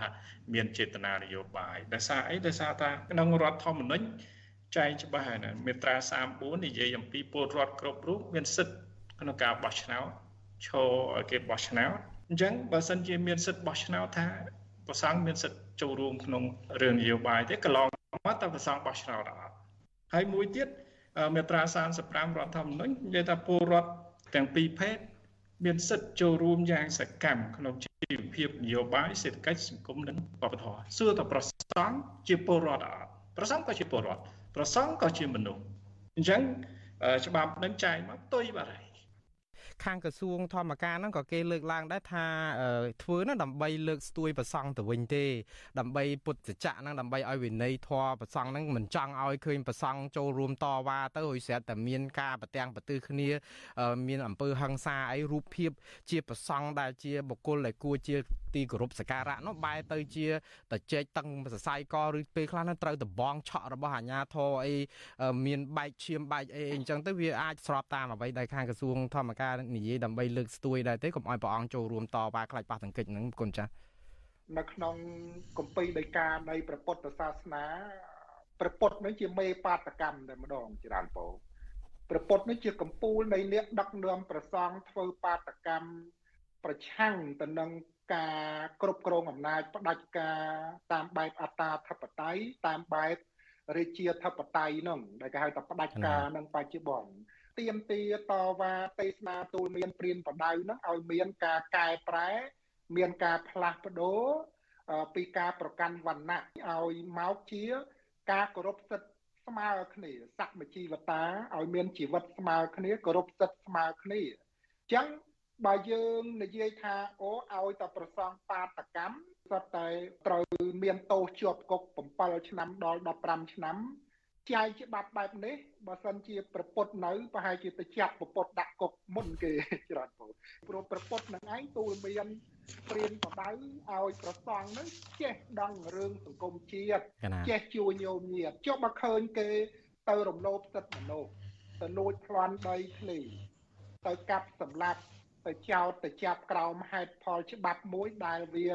មិនសុក្រិតមិនយុត្តិធម៌ហើយមិនឲ្យប្រសង់ទៅចូលរួមការពារ សិទ្ធិមនុស្សសិទ្ធិលំនៅឋានដីធ្លីព្រៃឈើហើយសួរថាប្រសង់ប៊ូមានន័យអីសសូម្បីតែការពារយុទ្ធធម៌មិនហ៊ានការពារ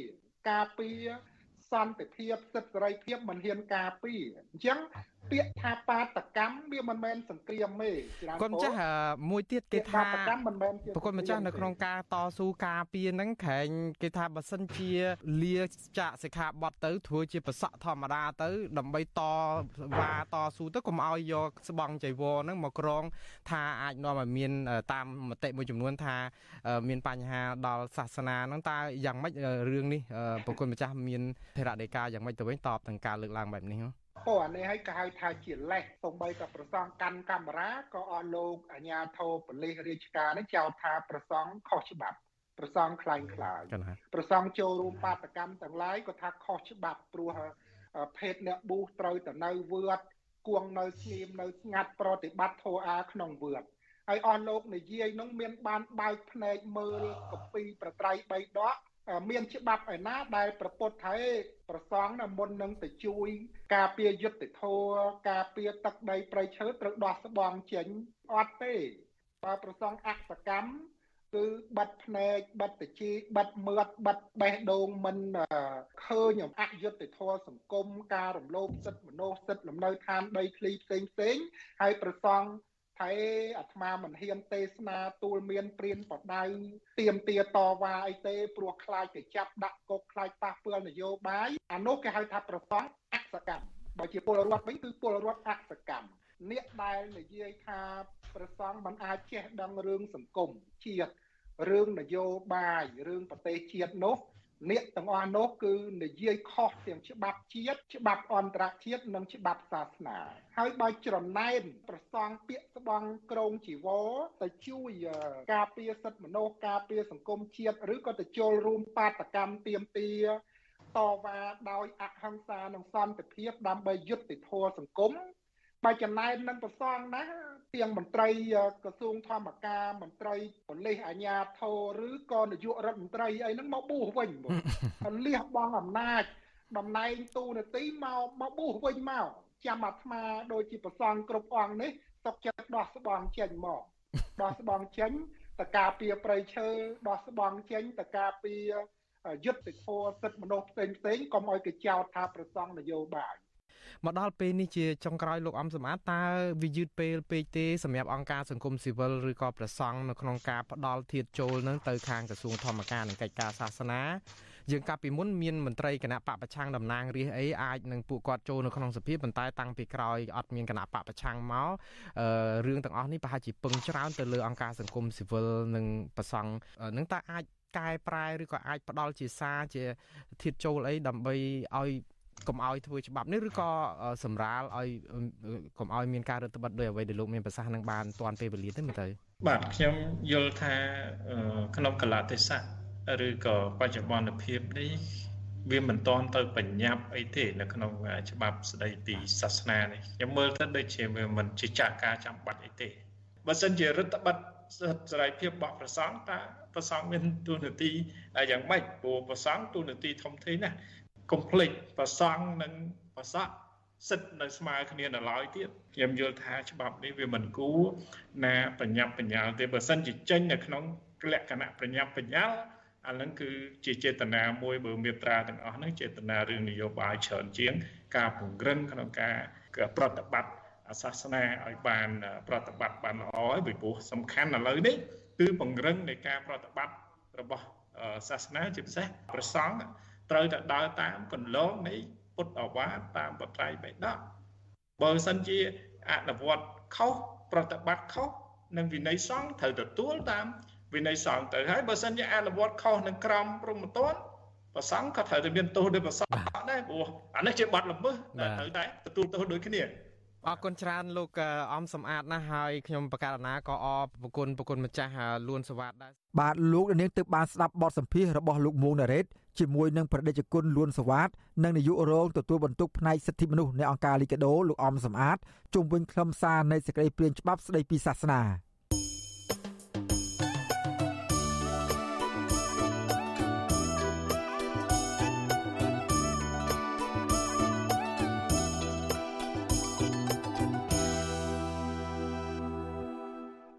បាទលោកនាងកញ្ញាជាទីមេត្រីការផ្សាយរបស់វិទ្យុអស៊ីសេរីរយៈពេល1ម៉ោងមកនេះបានដល់ទីបញ្ចប់ហើយខ្ញុំបាទសេកបណ្ឌិតព្រមទាំងក្រុមការងារទាំងអស់របស់វិទ្យុអស៊ីសេរីសូមអរគុណនិងសូមជម្រាបលា